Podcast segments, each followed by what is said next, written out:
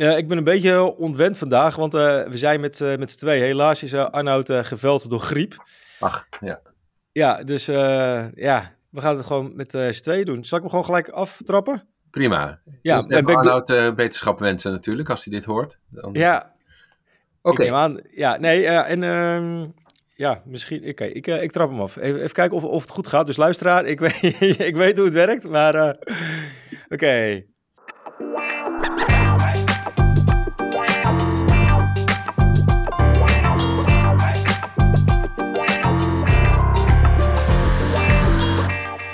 Hey, welkom bij een nieuwe aflevering van een podcast over voeding. In deze podcastserie gaan we in op de wetenschap achter voeding en laten we wetenschappers aan het woord over allerlei thema's die met voeding te maken hebben. Maar voor we dat gaan doen, eerst nog iets anders. Want op 14 maart vindt het uh, eiwitcongres plaats. Uh, het, uh, het eiwittransitiecongres, moet ik eigenlijk zeggen, Bart. Klopt dat? Ja, zeker. Nu heb je het goed gezegd. Ja, ik hakkelde eerlijk gezegd ook steeds over. ja, want um, daar uh, spreekt Jaap, bekend van Broodje Jaap, die spreekt daar natuurlijk ook. Die heeft daar de keynote. Um, en het gaat daar over verschillende dingen. Er zijn er allemaal bedrijven die met, uh, die met de eiwittransitie bezig zijn. Dus als je je netwerk wil verbreden, als je meer mensen wil leren kennen, als je wil laten inspireren uh, op dit gebied, dan kun je daarheen. En waar het bijvoorbeeld over gaat, is de juiste ingrediënten, want die zijn bepalend voor de smaak en de textuur en ook de duurzaamheid van alternatieve eiwitproducten. Uh, en daar kun je daar dus ook uh, meer kennis over opdoen, nieuwe inzichten uh, verkrijgen.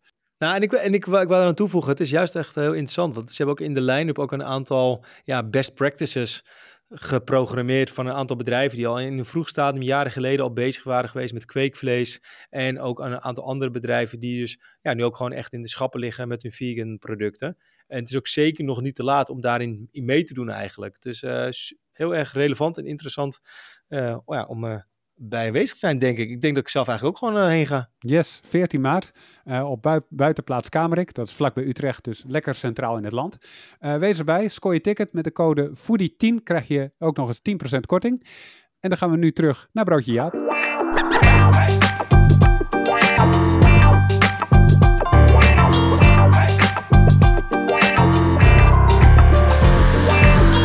Hey, welkom bij een nieuwe aflevering van een podcast over voeding. In deze podcastserie gaan we in op de wetenschap achter voeding en laten we wetenschappers aan het woord over allerlei thema's die met voeding te maken hebben.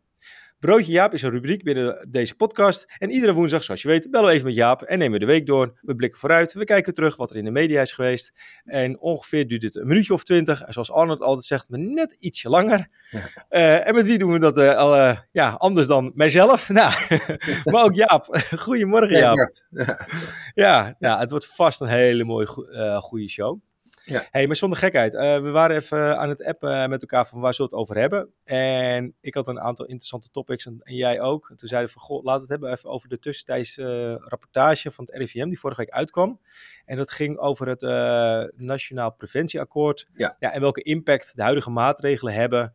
Ja, op, ja of ze überhaupt impact hebben. En dat was best wel een schokkend tussentijdse up, update volgens mij. Dus ja, en daarom, is het goed om er even aandacht aan te besteden, denk ik. Want ja, zo'n rapport komt uit en daar is dan heel veel rumoer over. Vooral op social media natuurlijk, maar ook in de gewone kranten en websites. Uh, hè, van het gaat niet goed en het gaat. Uh, uh, wat dan nu? Hè, en dan, dan krijg je al meteen twee groepen. Hè. De ene zegt ja, we moeten meer doen, intensiever en meer ingrijpen. De overheid moet meer reguleren enzovoort. En de andere helft die zegt ja, ze gaan ons nog meer afpakken. Weet je wel, dat zijn die, die typische ehm, uh, tweedeling nu in de maatschappij. Van, ja, de, de ene helft lijkt het wel niet te willen en de andere helft die wil eigenlijk veel meer. Ehm, en dan is het goed om even erbij stil te staan wat dat nou eigenlijk is. Hè. Dat, even voor de goede orde. Het preventieakkoord is in 2018 gesloten. Ongeveer uh, eh, 70 partijen die hebben met elkaar uh, gezeten om te kijken hoe ze kunnen zorgen dat de mensen minder roken, dat ze minder alcoholisch uh, uh, probleemgedrag hebben, of problematische alcoholinname, en dat er minder overgewicht zal zijn. En die ambities die zijn vrij stevig, hè? dat moet behoorlijk teruglopen de komende tijd tot 2040. En het RIVM heeft toen de opdracht gekregen om tussentijds steeds evaluaties te doen van hoe dat gaat. En dan moet ik zo'n disclaimer hebben. Dan zit er zo'n expertgroep in. En, en in, in die expertgroep zit ik onder andere ook. En een heleboel andere mensen.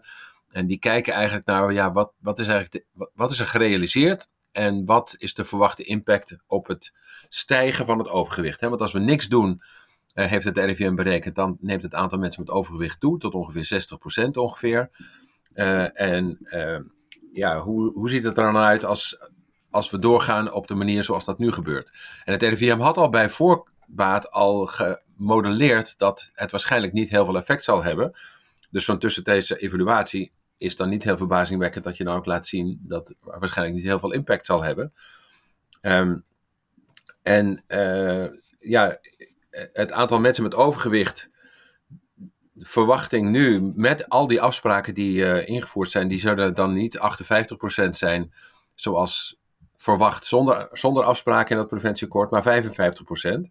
Dus dat is maar een heel klein verschilletje. En dat is natuurlijk helemaal niet in de buurt van de 38% die ze zouden willen halen. Uh, dus dat gaat niet goed. Hè? En dat, uh, ja, dat concludeert het RIVM dan ook. Er moet meer gebeuren. Maar wordt er ook al in uh, gezoomd welke maatregelen dan ja. hierin wel effect hebben gehad en welke ja. dus echt ja. significant achterblijven? Ja, welke wel en niet gerealiseerd zijn en wat voor impact ze dan hebben. En dan worden er scenario's berekend. En zeg maar een realistisch scenario en een optimistisch scenario. En van als nou iedereen het gaat doen, hè, volgens de verwachting, wat gaat er dan gebeuren? Um, en dat, um, ja, eigenlijk al die scenario's laten zien dat het heel teleurstellend is. En daarom, ja, het, het RIVM wijst dus ook heel erg naar meer intensieve en ingrijpende maatregelen. Dus beter uitvoeren van wat al afgesproken is, plus nieuwe maatregelen en aanvullende maatregelen. En die zitten eigenlijk allemaal in de buurt van het veranderen van de voedselomgeving. En de voedselomgeving is het aantrekkelijker maken van een gezond voedselaanbod. Het normaal maken van een gezond voedselaanbod. Qua prijs, aanbod en marketing en al dat soort dingen. En daar zijn ook twee rapporten over verschenen de afgelopen week. De ene is van uh, Aniek de Ruiter en Koosje Dijkstra en een heleboel andere mensen. Die hebben de gemeente een instrument uh, gegeven om de voedselomgeving uh, in kaart te brengen. Hoe gezond die is. En dat is denk ik heel belangrijk. Want ook daar de, de wethouders die smeken eigenlijk om instrumenten te hebben om die voedselomgeving gezonder te maken. Zonder dat het nou heel erg betuttelend is. En ook een inzicht te krijgen van hoe ongezond zijn die omgevingen. Maar daarvoor, daar hebben we het dus over dat er bijvoorbeeld dan een, misschien een beleidslijn ligt. dat er bijvoorbeeld niet snackbar is of zo binnen zo'n 100 meter ja, van een middelbare school. Nou, ze hebben een instrument ontwikkeld. Uh, ja. uh, Aniek de Ruiter is een, uh, is een jurist, een, een hoogleraar rechten, gezondheidsrecht aan de UvA. En Koosje Dijkstra, die werkt natuurlijk met Amsterdam UMC. En zo zijn er een heleboel van die mensen. Die hebben een instrument ontwikkeld om te kunnen kijken hoe gezond is een straat eigenlijk. En, en als je meer straten hebt, hoe gezond is een wijk. En die hebben eigenlijk gewoon geïnventariseerd van wat wordt er allemaal aangeboden. En dat snackbars is maar één klein onderdeel.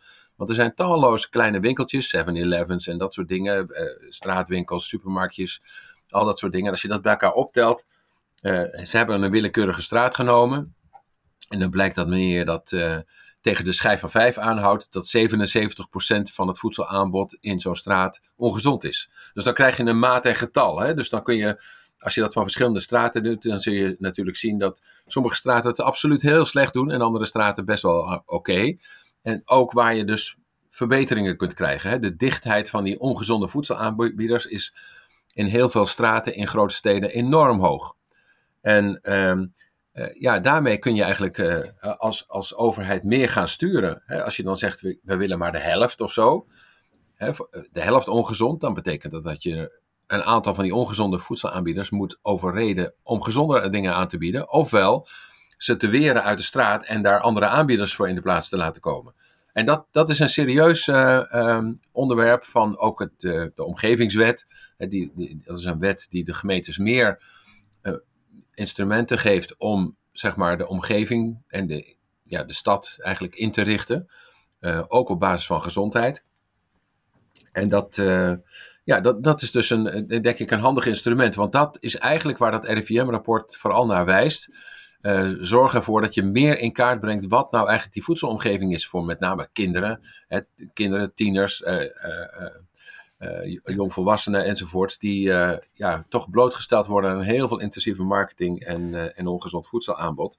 Dus dat is één instrument. Wat ze ook gedaan hebben is, en dat is dan Maartje Poelman en collega's in in, in Wageningen, die hebben ook gewoon eens naar omgevingen gekeken waar we meestal niet zo op letten. Dus Gezond Onderweg heet dat rapport. En dat is een, um, rapport dat kijkt van, ja, wat er wordt er eigenlijk allemaal op de stations en in de benzinestations en nou ja, op al die plekken waar je onderweg langskomt eigenlijk aangeboden. En ook daarvan kun je natuurlijk zien dat bijna alles ongezond is. En dat dagjes uit ook, hè, daar is ook een rapport over verschenen als je met de familie een dagje naar een pretpark gaat of naar een speeltuin of wat dan ook, dan is, ook, hè, dan, dan is het verboden om zelf eten mee te nemen in sommige gevallen. En dan is het aanbod eigenlijk alleen maar ongezond. Dus het, meer in, in kaart brengen en het bewust maken van, ja, we zijn niet als overheid uh, van plan om allemaal te gaan betuttelen, maar we willen gewoon eens even kijken van hoe, hoe zit het eigenlijk met die omgeving? En waar zitten aanknopingspunten om dat nou eigenlijk te verbeteren? En dan gaat het niet om het verbieden, hè, want de, de, dat, dat is een beetje de gepolariseerde spagaat waarin mensen zitten. Het is totale uh, hè, overheidscontrole over wat mensen wel en niet mogen eten en het verbieden van allerlei dingen. Nee, het is het geleidelijk verschuiven naar een wat meer normale balans tussen ongezond en gezond. En het aantrekkelijker maken van gezonder aanbod. Ja. En, en dat is echt heel wat anders. Maar vat ik het dan goed samen dat als we de voedselomgeving, als we die dus weten te verbeteren in positief opzicht, dat we dan de doelstellingen van de van overgewicht sneller kunnen behalen. Ja, nou, dat is eigenlijk de enige manier. Hè? Dus uh, uh, wat er tot nu toe gebeurd is, gebeurd is, het invoeren van de Nutri-score. Een eindeloos debat over de BTW op groente en fruit. En en wel of niet de suikertax, nou daar hebben we het allemaal over gehad. En het is allemaal net niks. Hè? Dus dat is. Um, en ja, kijk, wat, je, wat we zelf weten uit ons onderzoek bij kinderen is wanneer je ze gezonder aanbod geeft, je zet de schaal met uh, snoeptomaatjes uh, thuis op tafel en, en snackfruit en dat soort dingen, ja, dan gaat het gewoon op. kinderen eten dat gewoon. En dat, ja, dus, dus het aanbod veranderen is absoluut de belangrijkste manier om mensen gezonder te laten kiezen. En ja, daar hoort natuurlijk ook wat voorlichting en opleiding en, en educatie bij. Maar ja, uiteindelijk gaat het toch vooral om die impulsdingen. Hè? Je, je eet dingen omdat ze er zijn. Je hebt toevallig trek. En uh, nou, wat is, er aan, wat is er voorhanden? En wat kun je snel en goedkoop en makkelijk uh, opeten? En dat, dat is ja, overwegend alleen maar ongezond.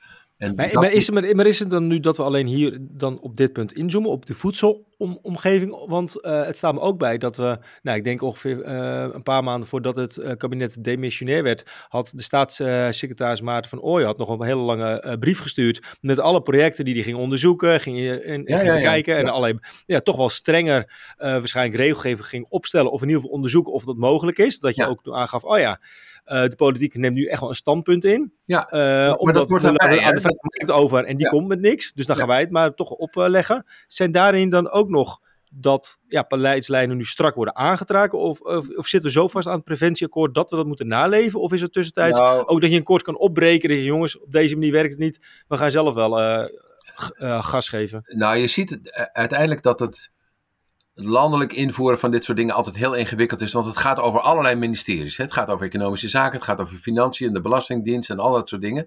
En dus prijsmaatregelen is super ingewikkeld. Um, uh, en, en we weten dat uh, ja, die, die fiscale maatregelen, het, uitvoeren, het handhaven. En het, ik wil niet zeggen dat het niet, niet moet, want dat is zeker wel belangrijk dat we dat onderzoeken. Maar dat is een lange termijn iets. Hè? En um, uiteindelijk het structureel ja, gezonder maken van het voedselaanbod. Hè, als je de schoolkantine en de sportkantine en, en het eh, OV gewoon wat gezonder aanbod hebt en je zorgt dat er een gezonde schoolmaaltijd is op, op school, dan zul je zien dat kinderen massaal eigenlijk meer groente gaan eten, meer volkoren brood en al dat soort dingen. Meer, meer water gaan drinken in plaats van suikerdrank. En ja, dat, dat zijn dus de grote stappen die eigenlijk nodig zijn, want we hebben het wel over pas 2040. Maar goed, dat was in 2018 nog heel veel verder weg dan nu. Uh, en in 2030 moet je dan ongeveer halverwege zijn. En we zijn nog niet eens aan het, aan het plateau, zal ik maar zeggen. Laat staan een afname in overgewicht. Dus als je dat uh, echt wil, dan moet je grotere stappen gaan zetten. En, en laten we een voorbeeld nemen van die BTW op groente en fruit. Stel je voor dat als je als gezin 40 um, euro uitgeeft aan groente en fruit per week of zo. Dan zou het afschaffen van die belasting zou betekenen dat die 9% eraf gaat. En dat betekent dus uh, eh, 3,40 euro of zoiets dergelijks. 3,5 euro gaat er dan af. Uh, dus je bespaart per week uh, eh, 3,5 euro. Dat is gemiddeld per dag 50 cent. Als je met z'n vijf in een huishouden zit, dan is dat gemiddeld dus ja, 10 Ja, ik snap, je uh, berekening. Ja. ja. ik weet waar je heen gaat. nou ja, ja snap je? Ik bedoel, ja. dat, dat gaat niet de grote verschuiving. Je zult niet zien dat mensen dan massaal meer groente en fruit gaan kopen. Hè, terwijl ondertussen eigenlijk de inflatie ervoor zorgt dat die groente en fruit sowieso duurder worden. Dus het is, het is een heel erg ingewikkeld instrument om uh, te werken aan gezonder uh, voedselkeuzes. Die, nogmaals, het wil niet zeggen dat je het niet moet doen. Maar je moet eigenlijk er vooral voor zorgen van ja, als, als kinderen nu eigenlijk alleen maar wit brood met jam eten en, en, uh, en, en fristie. Uh, en je vervangt dat door groente en fruit en salade en volkoren brood en water. Ja, dan zullen kinderen dat gewoon ook eten op school. En dan, uh, dat is helemaal niet. En dan mag je als ouder wel of niet aan meedoen. Het is allemaal vrijwillig. Maar onze ervaringen zijn dat wanneer je dat doet, de kinderen tevreden zijn, de ouders eigenlijk na verloop van tijd ook ja. allemaal tevreden. Dat de school eigenlijk ook wel best tevreden is. En dat je dus even de, de, door die verandering heen moet, dat geeft altijd heel veel weerstand. Want verandering is ingewikkeld en we deden het altijd anders. Uh, maar uiteindelijk zie je dat wanneer uh, ja, je dit soort dingen op niet al te ingrijpende wijze gewoon invoert, geleidelijk aan, dat bijna iedereen gewoon wel tevreden is. En dan ja. zie je eigenlijk dat wij, net zoals in andere landen, hè, waar ze ook een schoollunch hebben waar niemand discussie over heeft, dat het eigenlijk gewoon een onderdeel wordt van een normale voedselomgeving. En daar is waar we eigenlijk heen moeten, denk ik. Maar waar, maar waar, waar ligt dan nu het pijnpunt dat uh, nauwelijks echte progressie is gemaakt van de doelstellingen halen dan? Nou, dat, dat geeft enerzijds aan dat het voor een, een politicus als een staatssecretaris heel ingewikkeld is om de voedselomgeving te veranderen, of die voedselkeuzes en de prijzen te veranderen, het aanbod en de marketing, want daar gaat hij helemaal niet over. Um, en um, dat het politieke sentiment heel erg uh, gericht is op zodra de staatssecretaris wat doet, dan is het betutteling. Uh, dus dat willen we niet met elkaar. Uh, dus er is heel veel van dat soort. Hè, dus die discussie die, die is eigenlijk op een oneigenlijke manier verzand in voor's en tegens van betutteling. En, en dat moet het niet zijn. Het moet eigenlijk het, ja, het opgroeien in een gezonde omgeving is het recht van kinderen. Uh, en ze hebben dus schoon drinkwater nodig en ze hebben schone lucht nodig en een veilige plek om te spelen en uh, naar school te fietsen en dat soort dingen. Maar ze moeten dus ook een gezonde voedselomgeving hebben. Daar hebben ze recht op. Ja, en daarin noem je dus net twee onderzoeken die recent ja. ook zijn, zijn uitgekomen. Wat is, is daar dan nu je verwachting mee? Zowel, ja. ja. welke groepen gaan daar nu echt actief dat ter hand nemen van ja. oké, okay, nu hebben we nou, iets in handen dat het beter ja, wordt. Lo lokale overheden gaan dat doen. Hè? Dus uh, dan, dan zit je wat minder met de landelijke politiek, met name de grote steden, die zijn geïnteresseerd in het, uh, in het gezonder maken van het voedselaanbod. Ze kunnen ook veel meer, hè? nu met die omgevingswet en dergelijke, en nu met het instrument wat uh, Aniek de Ruiter en dergelijke hebben ontworpen. En, en daarmee kunnen ze dus nu de boeren op. En ik weet, uh, dat hoor ik van Koosje, dat ze ook uitgenodigd is geweest door de wethouder van Amsterdam, die daarover gaat. Uh, en die ook ja, nu gaat experimenteren daarmee.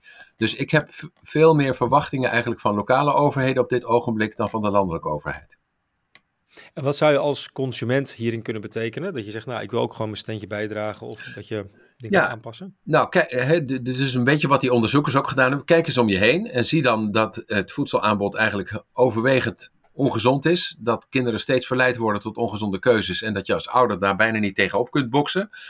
Als je je kind gezonder wil laten eten, dan is dat heel ingewikkeld door al die verleidingen die ze uh, overal tegenkomen. Uh, en dat je dat met elkaar dat gesprek aangaat. Dus als ouder met de school, uh, dat je met de sportclub uh, is overlegd van kan dat niet anders. dat je in een zorginstelling op een bepaalde manier eens kijkt hoe het anders kan. Dat een wethouder kijkt van al die sponsoring van snoepfabrikanten, fastfood, frisdrank en energiedrank en dat soort dingen van sportactiviteiten van kinderen. Misschien moeten we dat niet doen. en dat zijn allemaal van dat soort ja, gewoon eens nadenken over, we willen niet betuttelen, maar we willen met elkaar eigenlijk ook wel die gezonde keuze hebben. Uh, in plaats van alleen maar het um, ja, verleid worden tot ongezonde keuzes. En, en dat kun je als burger natuurlijk heel gemakkelijk doen. En je kunt veel gemakkelijker in gesprek met je uh, lokale bestuurders en lokale uh, ondernemers en dat soort zaken dan wanneer je richting Den Haag gaat protesteren. Ja, ik heb af, afsluitend dan nog uh, twee vragen. Kan je dan nu stellen dat het preventieakkoord aan zich dan is mislukt? Nee, het preventieakkoord heeft nog steeds die ambities. Uh, wat, wat er, en dat 2020 is er ook nog niet. Het is dus heel goed dat het RIVM dat monitort, hè, van hoeveel van die afspraken worden nu gerealiseerd en wat is eigenlijk de impact daarvan. en dat je dus kan bijsturen. Dus het is nog niet op koers, zo zou je het eigenlijk moeten zeggen. En er is een koersverandering nodig om alsnog die ambities te kunnen halen. Kijk, het zou mislukt zijn als op een bepaald moment de overheid zegt: we laten de ambities varen, laten het overgewicht maar gewoon stijgen. Alcohol is, hè, problematisch alcoholgebruik ook geen probleem. Sigaretten, ja, waar maken we ons zorgen over? Uh, dan zou je kunnen zeggen: dan is het totaal mislukt. Hè? Dan heeft de overheid het opgegeven en dan ja, gaat er niks gebeuren. En dan zul je zien dat die verwachtingen die het RVM heeft, dat die problemen rondom gezondheid uh, groter worden. Uh, allemaal bewerkelijkt worden. Uh, dus nee, de, de, ik, ik, denk dat het goed is dat uh, er goed wordt gemonitord en dat je dus kunt bijsturen. Ja, en mijn laatste vraag is dan, wanneer kunnen we dan een tweede tussentijdse up, update verwachten? Het is nu 2024, komt dat met een jaar of twee jaar dan? Ja, ja, de update komt, maar ik weet wel dat het preventieakkoord en de partijen die daar zitten, die hebben ook brieven gestuurd naar de, naar de informateur, naar Ronald Plasterk. En een groot aantal organisaties, ook de samenwerkende gezondheidsfondsen, hebben dat gedaan om te zeggen van vergeet niet dat Nederland problemen heeft met gezondheid. Uh, dat er grote ongelijkheid is in gezondheid, dat er een personeelsgebrek is en dat dat deels ook komt door de improductiviteit van mensen die chronisch ziek zijn geworden. Uh, zorg er nou voor dat je niet vergeet dat je ook moet sturen op preventie, gezonde leefstijl en het voorkomen van gezorgkosten. En um, ja, als de informateur dat goed leest en hij zorg er ook voor dat dat in het uh, regeerakkoord komt, als dat er komt. Dan, uh, ja, dan kun je daarop verder bouwen. En dan kun je ook kijken of er verdergaande maatregelen uh, moeten komen. Mocht dat niet gebeuren, dan zijn dus meer de lokale overheden aan zet. En de organisaties, maar ook het bedrijfsleven zelf. En je ziet in Engeland, waar ze een heleboel van dit soort overheidsmaatregelen hebben uitgesteld. De, de, de, de regering Sunak, zal ik maar zeggen, die heeft een heleboel van die maatregelen die in de pijplijn zaten eh, bevroren dan wel uitgesteld. En de samenwerkende partijen, zeg maar de supermarkten en het bedrijfsleven en zo, die hebben met elkaar gezegd: ja, maar we gaan het toch wel doen. dus op een bepaald moment kun je ook een beetje los van die politiek zeggen: wij hebben die ambities uitgesproken. Ook als de politiek het laat liggen, gaan we toch uh, die maatregelen uitvoeren. Punt. Zou en Arnoud hebben gezegd. ja. Nou ja, ik uh, was uh, interessant, uh, Jaap. en we houden het in de gaten. En de collega's die, die je noemde, is voer voor een, een reguliere uitzending, denk ik, voor een podcast over voeding. Dus ik zal ze zeker vragen. Zeker, ja. Nu hebben we eigenlijk altijd nog het afsluitende promo-praatje. Dus heb jij eigenlijk nog iets in de aanbieding, Jaap? helemaal niks, nee. Nee, maar je hebt toch heel veel mooie boeken geschreven. Wil je die nog niet even extra pushen? Nee hoor, dat hoeft niet. Nee, nee? Ik, ik, zou, ik zou gewoon zeggen, word lid van de show of vriend van de show. Um, ja, ja nou, die tekst die moet nu al komen. Ja. Geef ons heel veel sterren, want dat helpt. Precies. Ja. Um, en uh, ja, uh, luister gewoon heel goed naar I'm a Foodie. Ja. Precies, ja, gewoon dat. En luister naar Foodie en Jaap. Ja, dan, dan wordt de wereld een, stuk beter en gezonder en duidelijker van. Wellicht. Ja, ja nou, in ieder geval wat Jaap al even noemde. Hè. Vond je dit een leuke show? Uh, kan je naar vriendvandeshow.nl slash POV, podcast over voeding gaan. Uh, op Spotify kan je ons sterretjes geven. Op iTunes volgens mij ook in de App Store. En natuurlijk ehm, kan je nog een van onze masterclasses uh, volgen. Op 1 februari staat weer een hele nieuwe masterclass klaar die we voor jullie gaan geven. met het thema Reuma van een collega Wendy Walrabenstein. Ah, even... Die promoveert vanmiddag. Daar ben ik bij.